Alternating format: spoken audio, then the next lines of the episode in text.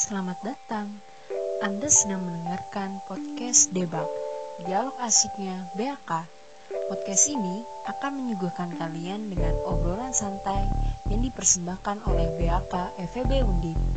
Audio ini akan menambah wawasan kalian terkait dunia audit, mulai dari seputar magang hingga dunia kerja audit.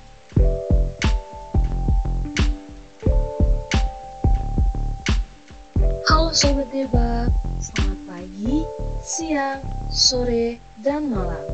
Selamat datang kembali di podcast Debak, dialog asiknya BAK. Wah, seneng banget. Akhirnya kita ketemu lagi nih di episode kelima dari podcast Debak. Gimana nih kabar teman-teman semua? Semoga teman-teman semua dalam keadaan sehat ya. Konon katanya tak kenal maka tak sayang. Maka dari itu kenalin aku GG dari staf media dan jaringan BAK FEB Undip 2022 dan aku bakalan menemani kalian selama 20 menit ke depan. Nah kalau ngomongin podcast ya, tentu aja nih aku gak bakalan sendirian. Seperti judul podcast episode kali ini, Get to Know Closer with EY, aku udah ditemani nih oleh seorang yang super keren banget bekerja di EY, dan saat ini menjabat sebagai Audit Associate. Daripada berlama-lama lagi, mending kita langsung panggil aja nih. Kak Bella. Halo Kak Bella, apa kabar? Halo, halo semuanya. Alhamdulillah baik nih. Teman-teman gimana nih? Semoga sehat-sehat selalu ya.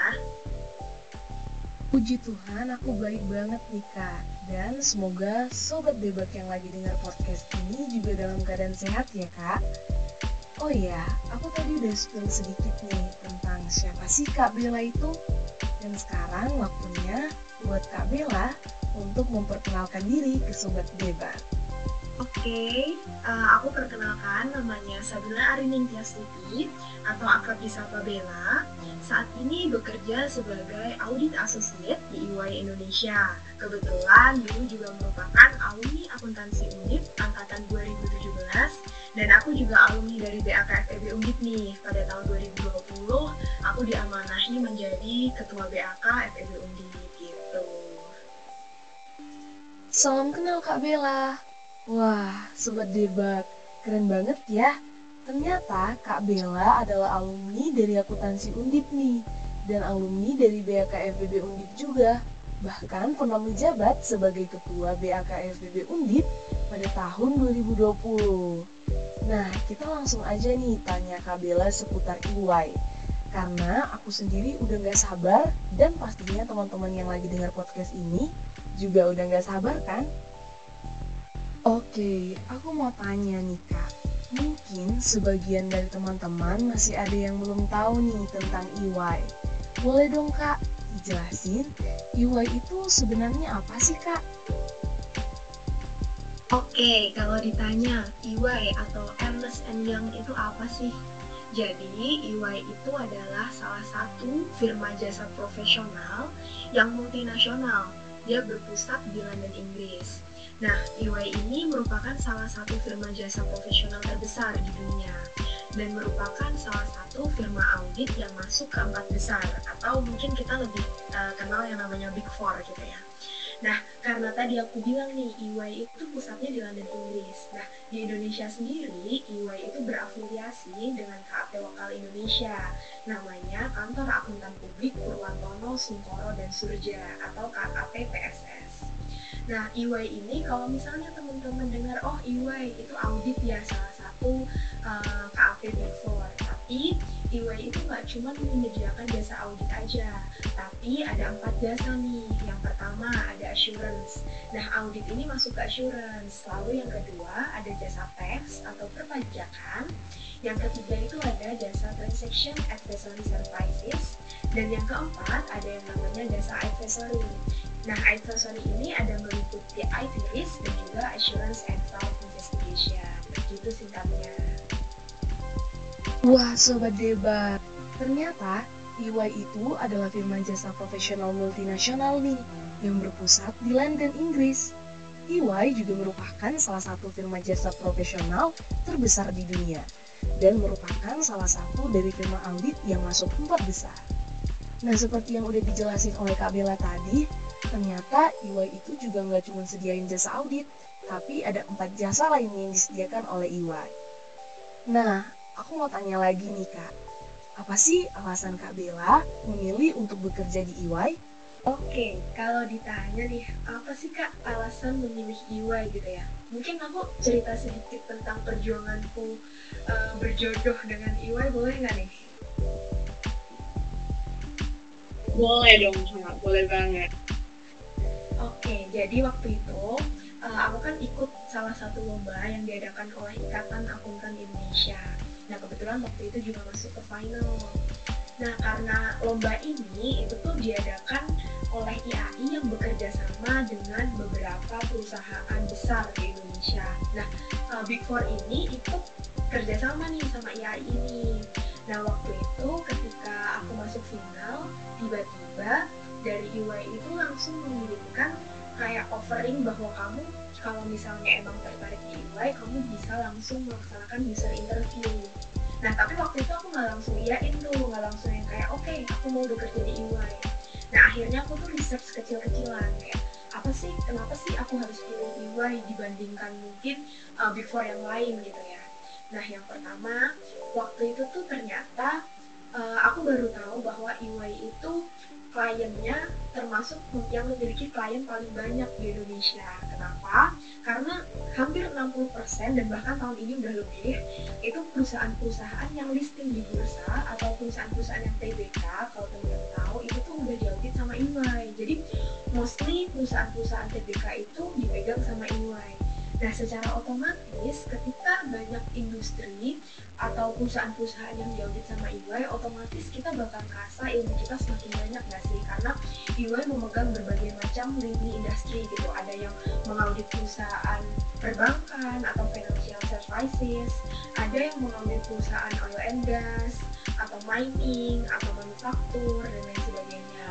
Nah, jadi aku mikir kayak, oh uh, eh, EY bagus ya gitu. Nah terus ditambah dengan banyak dari alumni-alumni kita, alumni akuntansi undip yang melanjutkan uh, karir di EY. Jadi waktu itu aku tanya-tanya gimana sih di EY dan lain sebagainya. Terus akhirnya aku majulah untuk melanjutkan proses seleksiku di. Dan waktu itu prosesnya uh, cuma langsung suruh user interview. Jadi uh, dan alhamdulillahnya keterima. Ya udah, aku udah nggak apa ya, aku udah nggak mencari mencari, mencari pekerjaan lagi. Dan sampai detik ini juga aku ngerasa ya ini tempat yang nyaman buat aku kayak gitu. Menarik banget gak sih teman-teman? Ternyata Kak Bella memilih untuk bekerja di EY karena berawal ikut suatu lomba yang diselenggarakan oleh EY masuk final kemudian di email oleh EY mencoba mencari tahu tentang EY dan Kak Bella menemukan bahwa EY memiliki banyak klien di Indonesia dan pastinya akan banyak pengalaman serta ilmu yang Kak Bella akan dapat. Oh iya Kak, kita boleh tahu nggak sih gimana sih proses seleksi penerimaan pegawai EY? Oke, boleh banget nih. Mungkin uh, proses seleksi penerimaan pegawai EY hampir mirip atau mungkin sama dengan uh, Big Four Big Four yang lainnya. Kenapa aku sebut Big Four yang lain? Karena mungkin lebih apa ya, uh, lebih apple to apple gitu ya kalau uh, aku bandingin Nah, proses seleksinya Nah, itu sama. Yang pertama adalah proses administratif nih. Nah, administratif itu biasanya apa sih, Kak? Nah, uh, untuk administratif sendiri itu biasanya berupa eh, dokumen-dokumen yang kalian harus kumpulkan atau submit terlebih dahulu sebelum kalian mengikuti proses seleksi berikutnya. Biasanya nih, uh, dokumennya yang dibutuhin ada surat keterangan lulus atau ijazah.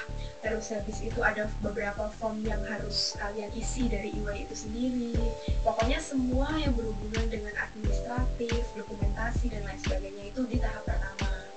Setelah kalian nanti dinyatakan lolos dari tahap pertama biasanya kalian akan melanjutkan ke tes tulis Nah, tes tulis ini ada dua tahap. Yang pertama adalah tes tulis mengenai audit assurance-nya. Jadi kalian dites nih, seberapa paham sih kalian dengan materi-materi akuntansi, materi-materi audit assurance, dan uh, materi perpajakan. Pokoknya semua materi yang berhubungan dengan uh, posisi yang akan kalian lamar gitu. Nah, setelah tes audit assurance nih, kalian selanjutnya tes bahasa Inggris. Tes bahasa Inggris ini mirip-mirip dengan tes TOEFL. Jadi kalau misalnya kalian mungkin udah pernah tes TOEFL yang isinya ada write, uh, listening dan lain sebagainya, nah itu mirip banget kayak uh, tesnya EY. Nah terus ketika kalian udah tes uh, tertulisnya, udah tes audit dan juga tes bahasa Inggris, biasanya langsung ada pengumuman kalian itu lolos atau enggak di tahap itu. Kalau misalnya kalian udah lolos nih, kalian bakal lanjut ke yang namanya uh, seleksi interview. Nah, interview ini biasanya dilakukan oleh HRD. Nah, HRD ini biasa kalian akan ditanya tentang pengalaman kalian di uh, kuliah, terus apa sih kelebihan kelemahan sebagainya. Terus uh, kenapa memilih bekerja sebagai auditor gitu. Jadi sebenarnya proses seleksinya aku yakin mirip-mirip sih dengan di yang lain di administratif, terus tes tertulis dan juga interview baru nanti kalian dinyatakan diterima sebagai karyawan UI Indonesia gitu. Jadi teman-teman, proses seleksi penerimaan pegawai di EY hampir mirip nih dengan Big Four lainnya. Proses seleksi dimulai dari tahap pertama yaitu administratif, kemudian tes tulis yang terbagi atas dua tahap, yaitu tentang audit assurance, dan yang kedua adalah tes bahasa Inggris yang mirip semacam TOEFL. Kemudian ada pengumuman, dilanjutkan ke tahap seleksi interview oleh HRD. Oh iya kak, kalau ngomongin proses seleksi penerimaan pegawai, kira-kira kriteria seperti apa sih kak yang dicari oleh EY? Oke, kriteria saya yang dicari uh, EY untuk karyawannya. Karyawan seperti apa sih yang mungkin cocok untuk bekerja di EY? Yang pertama, jelas mungkin sedikit banyak dia paham tentang lini servisnya itu. Mungkin di sini aku lebih lebih condongin ke bidang audit ya untuk divisi audit assurance-nya karena aku sendiri terjun di divisi itu. Kalau misalnya divisi yang lain mungkin akan berbeda kan apa yang mereka butuhkan. Tapi kalau yang untuk audit assurance sendiri yang pertama ya sedikit banyak kalian harus paham lah apa itu audit. Setidaknya audit itu ngapain sih kalian melakukan apa sih di audit ini? Kayak gitu. Sedikit paham tahu tentang itu. Terus yang kedua adalah kalian itu harus jadi orang yang selalu belajar belajar dan belajar. Kenapa? Karena seperti yang aku bilang tadi uh, eh, EY itu kan industrinya banyak nih klien-kliennya. Kalian akan belajar berbagai macam uh, bentuk klien nih berbagai macam permasalahan-permasalahan yang ada, proses audit yang banyak dan lain sebagainya. Jadi kalian dituntut untuk bisa selalu belajar, belajar dan belajar. Ibaratnya kalian harus jadi uh, pelajar yang fast learner gitu. Kalian harus bisa belajar dengan cepat, harus tanggap karena permasalahan setiap klien itu kan pasti beda-beda ya. Jadi kalau kalian nggak bisa dengan cepat nih menghadapi klien, menghadapi permasalahan yang ada, ya akhirnya semuanya bakal berantakan kayak gitu. Terus yang ketiga, ini sebenarnya untuk yang ketiga ini aku pernah nanya nih sama senior aku apa sih yang diharapkan dari seorang pegawai luar gitu. Nah yang diharapkan adalah mereka itu jadi orang yang uh, kuat mentalnya gitu. Kenapa kenapa kuat mental? Karena di sini kita bekerja sejujurnya kita kan bekerja di bawah tekanan ya. Maksudnya di bawah tekanan itu kita bekerja kita dikejar waktu nih kayak oke okay, kita harus rilis, rilis laporannya tanggal sekian semua itu harus clear tanpa mengskip atau tanpa menghilangkan atau membuang prosedur-prosedur audit yang harus kita lakukan. Jadi gimana pun kalian harus punya mental yang kuat untuk berada di posisi itu. Terus yang terakhir mungkin kalian harus jadi orang yang untuk anak akuntansi ya. Kalian jangan pernah lupakan ilmu-ilmu dasar akuntansi ataupun audit gitu. Karena ilmu dasar itu yang kalian dapat di kuliah itu benar-benar harus kalian pegang untuk uh, bekal kalian gitu sedikit bekal kalian untuk masuk ke dunia kerja apalagi sebagai seorang auditor gitu sih untuk sisa-sisanya bisa menurutku bisa upgrade sambil jalan yang paling penting sih empat itu tadi menurut aku gitu Oke, ternyata Sobat Debak, kriterianya untuk menjadi pegawai EY yaitu teman-teman harus tahu sedikit banyak tentang audit. Yang kedua, teman-teman harus suka untuk belajar dan haus akan ilmu. Yang ketiga, teman-teman harus kuat mental nih, karena nantinya bakalan bekerja di bawah tekanan waktu. Dan yang terakhir, untuk anak akuntansi bisa banget nih dicatat. Jangan lupakan ilmu dasar akuntansi ataupun audit. Karena itu akan menjadi bekal kita nantinya saat bekerja. Nah, aku mau tanya lagi nih kak, pertanyaan yang sering banget aku dengar dari teman-teman. Apakah pada saat telah dinyatakan lulus seleksi, ada masa percobaan gitu nggak kak? Oke, masa percobaan atau probation ya namanya. Nah sebenarnya pasti banget di setiap uh, perusahaan, di setiap company itu mereka ada masa probation untuk setiap karyawan-karyawan yang baru nih. Tapi masa percobaannya itu mungkin range waktunya beda-beda. Untuk EY sendiri itu benar ada masa probation atau masa percobaan. Nah fungsinya apa sih masa probation ini gitu? Jadi uh, karena kita, dari kita nih anak-anak kuliah baru lulus terus masuk ke dunia kerja apalagi masuk ke dunia audit gitu ya pasti kan uh, vibes-nya tuh beda ya. Nah di situlah uh, masa probation itu uh, manfaatnya masa probation itu itu. Kita bisa beradaptasi. Gimana sih cara kita kayak ibaratnya prepare. Prepare untuk oh ternyata gini nih jadi jadi auditor. Oh ternyata gini nih jadi pegawai EY terus kayak oh uh, ternyata aku harus upgrade kayak gini nih untuk terus melanjutkan karirku sebagai auditor di EY kayak gitu. Jadi uh, kalau ada masa probation atau enggak, aku yakin di setiap perusahaan itu pun pasti ada masa probationnya. Cuman kalau di EY sendiri mungkin bisa dibilang cukup lama ya. Untuk di EY itu masa probationnya kurang lebih sekitar enam bulan. Kenapa? Kalau ditanya kenapa sih kak masa probation kok lama banget gitu ya? Karena kita ini kan uh, memberikan jasa audit. Mungkin sekali lagi aku highlight, uh, aku condongin untuk audit ya, karena aku di, ada di divisi audit. Karena proses audit itu kan satu siklus.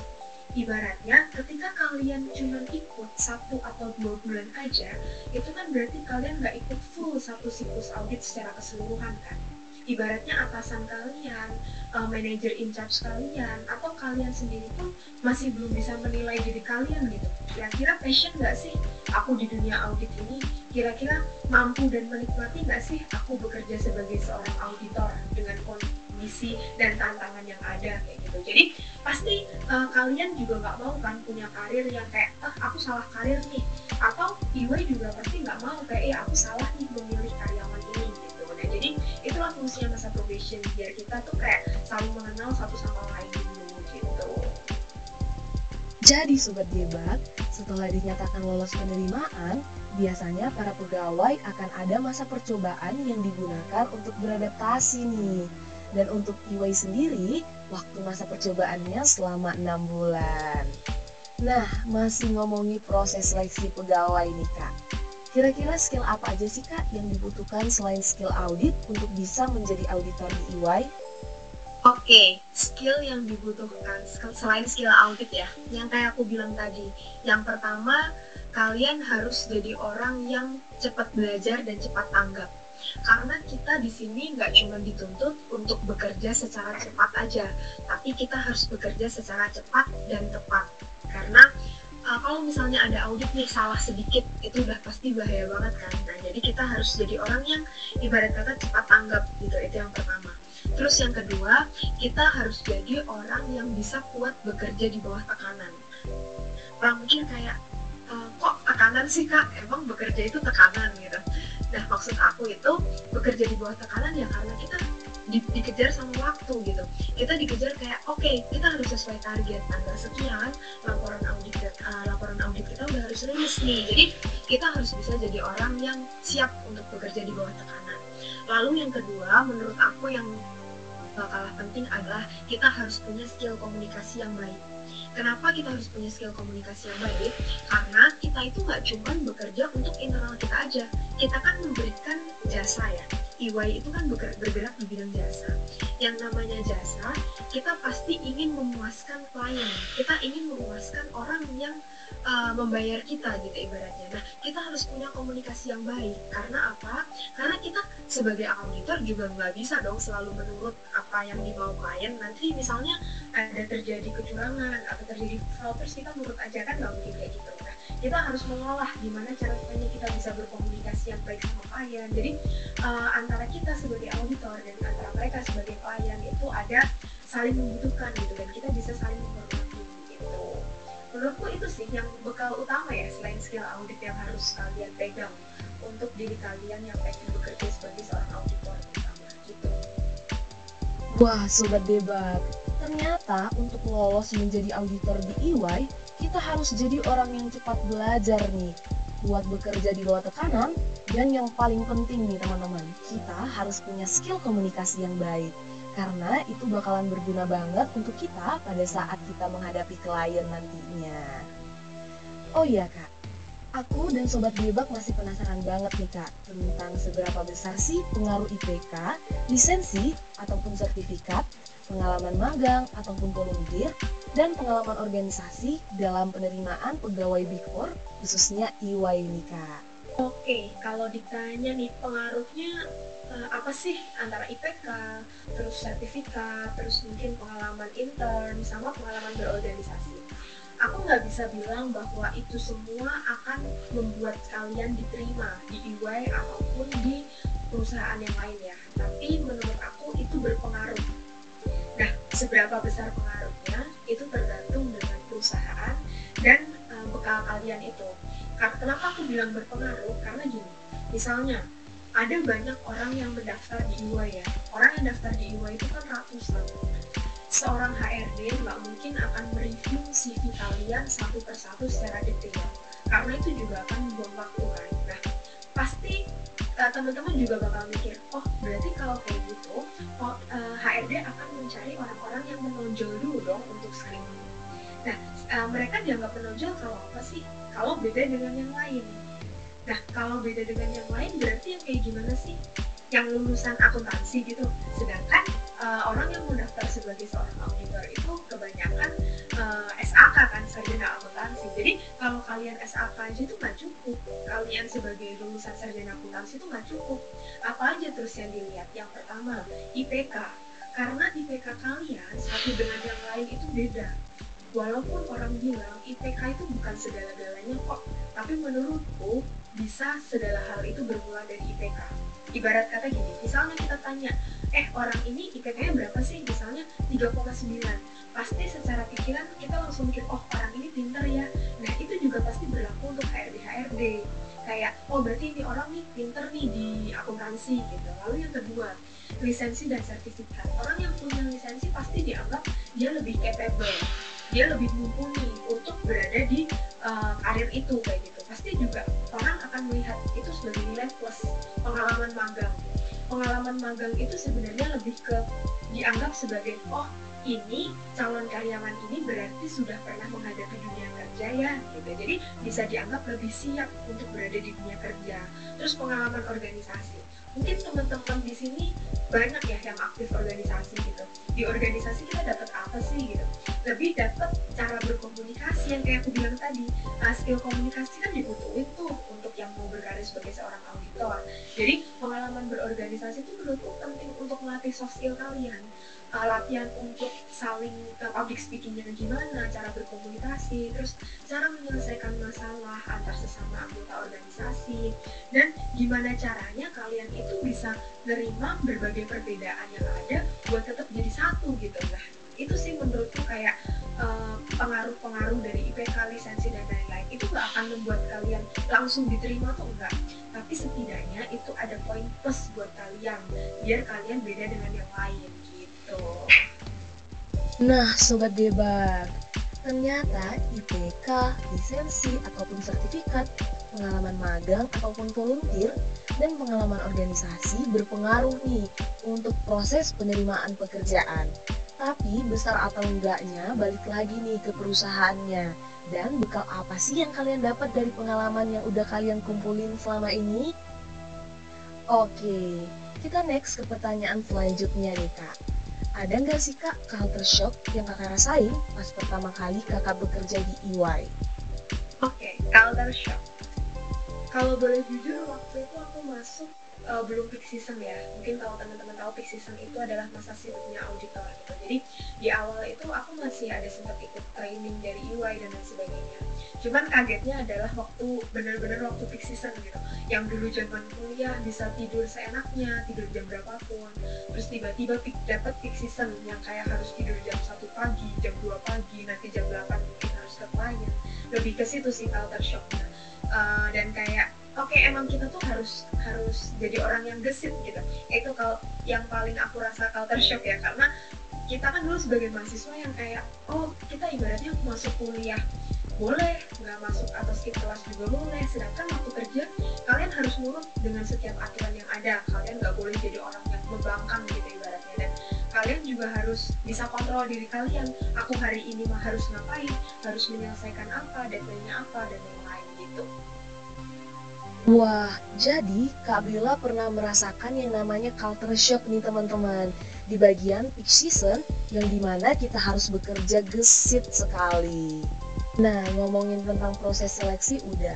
Kriteria yang dicari oleh EY juga udah. Skill yang diperlukan, pengaruh IPK, lisensi, sertifikat, dan pengalaman organisasi juga udah.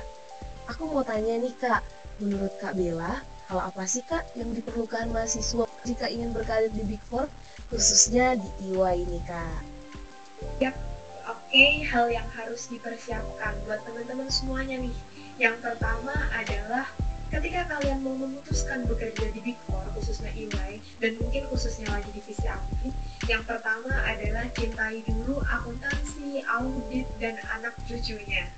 Karena ketika kalian nggak suka sama jurusan-jurusan itu, ya kalian nggak akan bisa enjoy untuk uh, menjadi seorang auditor gitu. Kalian nggak akan merasa kayak oh aku harus belajar, aku belajar lagi, belajar lagi. Kalian nggak akan merasakan haus akan ilmu gitu. Itu yang pertama. Yang kedua adalah kalian harus mempersiapkan diri, memanage waktu kalian gitu. Kalian harus bisa mengontrol diri kalian. Karena apa?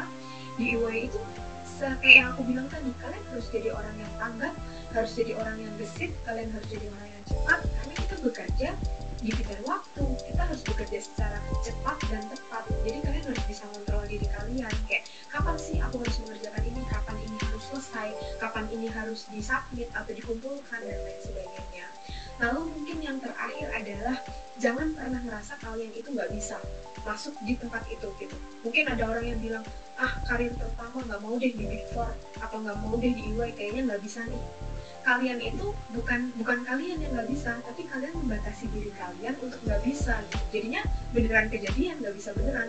Kalau misalnya emang kalian targetin oh aku pengen di EY ya udah kejar kejar dengan apa? Ya pahami uh, akuntansi audit dan lain sebagainya at least dasar-dasarnya deh. Terus yang kedua kalian tanya sama diri kalian kalian siap nggak bekerja di bawah tekanan? Mental kalian gimana?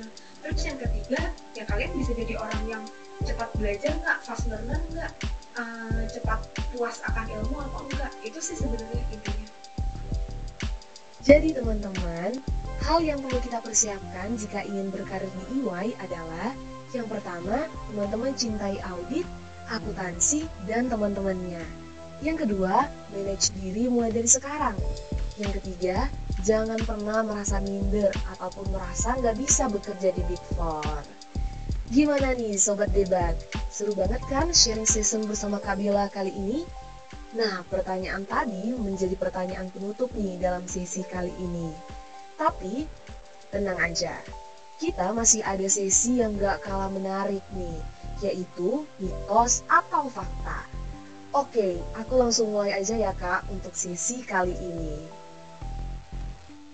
Oke, pertanyaan yang pertama nih kak pelamar yang diterima bekerja di Big Four, khususnya EY, hanya lulusan dari top university. Fakta atau mitos nih kak? mitos banget Oke sobat debat, jadi ternyata pelamar yang diterima kerja di Big Four itu gak harus lulusan dari top universitas nih. Oke kak, kita lanjut ke pertanyaan yang kedua ya kak. Bekerja di EY harus paham berbahasa Inggris. Fakta atau mitos nih fakta 1000% karena apa? Karena kayak aku bilang tadi EY itu kan kliennya banyak. Dan kita nggak cuma dan itu perusahaan multinasional. Kita nggak cuma berhubungan sama klien-klien yang ada di Indonesia aja. Ada yang kliennya dari Jepang dari Swiss dan lain sebagainya. Jadi ya at least kalian ngerti lah bahasa uh, bahasa Inggris gitu Wah sobat debat, ternyata bekerja di EY memang harus paham nih berbahasa Inggris karena klien nantinya bukan hanya berasal dari Indonesia. Oke, lanjut ke pertanyaan selanjutnya. Fakta atau mitos bekerja di EY sering lembur? fakta banget karena aku nggak mungkin bilang mitos kan karena semua juga udah pada tahu kalau bekerja sebagai auditor ya emang kita makanan sehari-hari kita tuh lembur gitu Oke sobat debat, ternyata bekerja di EY sering lembur itu fakta ya teman-teman. Dan buat teman-teman yang pengen banget berkarir di EY bisa nih siapin mentalnya mulai dari sekarang. Oke, kita lanjut ke pertanyaan selanjutnya nih kak. Jika memiliki title pernah bekerja di EY, akan lebih mudah diterima di perusahaan lain. Fakta atau mitos nih kak? Nah, kalau ini sih kayaknya fakta ya, tapi aku belum bisa bilang fakta 100% karena aku belum pernah keluar nih dari UI, belum mau resign juga, belum ada niatan resign. Jadi, tapi uh, mungkin kalau teman-teman ngerasa atau teman-teman pernah pernah mendengar bahwa orang yang tadinya bekerja sebagai auditor di Big Four mungkin nanti akan lebih gampang diterima di perusahaan perusahaan itu menurut aku benar ya. Karena ya kita masih eh, kita udah punya banyak pengalaman menghadapi berbagai industri kita punya pengalaman menghadapi berbagai klien. Jadi itu yang bisa menambah value kita gitu sih. Jadi fakta kayaknya. Oke kak Berarti orang yang memiliki title pernah bekerja di EY lebih mudah diterima di perusahaan lain itu merupakan fakta ya kak. Karena pada saat bekerja di EY tentunya para pegawai memiliki banyak pengalaman dan itu menambah value dalam diri pegawainya. Nah, teman-teman, gimana? Udah pada tahu lebih dekat kan tentang EY? Sayang sekali pertanyaan mitos atau fakta tadi menjadi penutup dari podcast episode kali ini. Semoga Sobat Debak gak salah lagi nih membedakan yang mana mitos dan yang mana fakta mengenai EY. Tapi tenang aja, teman-teman gak usah sedih karena podcast Debak akan hadir kembali di episode selanjutnya. Oke kak, sebelum mengakhiri podcast kita pada saat ini, boleh nih kepada Kak Bella disampaikan pesan kepada Sobat Debak semuanya. Oke, uh, pesan kesan buat teman-teman semuanya, terutama yang mungkin mau memasuki dunia kerja dan mungkin dunia Big Four, dunia audit, dunia EY, uh, jangan lupa belajar, pahami benar-benar basic-basic akuntansi, audit dan sebagainya, uh, dikuatkan mentalnya, dikuatkan fisiknya juga, uh, karena dunia kerja itu berbeda ya dengan dunia ya. Tapi jangan takut kalau kalian nggak bisa. Jangan takut kalau nggak mampu. Karena yang membatasi yang bilang kalian nggak mampu itu cuma diri kalian sendiri. Jadi jangan membatasi diri kalian. Aku tunggu sebagai auditor di IWA ya. Wah, keren banget nih Kak.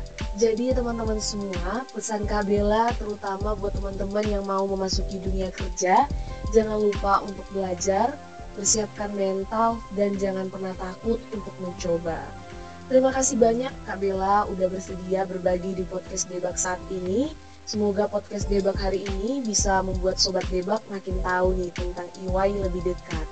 Dan pastinya jangan lupa nih Sobat Debak untuk menerapkan apa yang udah Kak Bella sampaikan di podcast hari ini. Aku GG sekaligus podcaster dari podcast Debak episode 5 hari ini, izin pamit undur diri. Jangan lupa untuk dengerin podcast Debak selanjutnya ya. Sampai jumpa kembali Sobat Debak.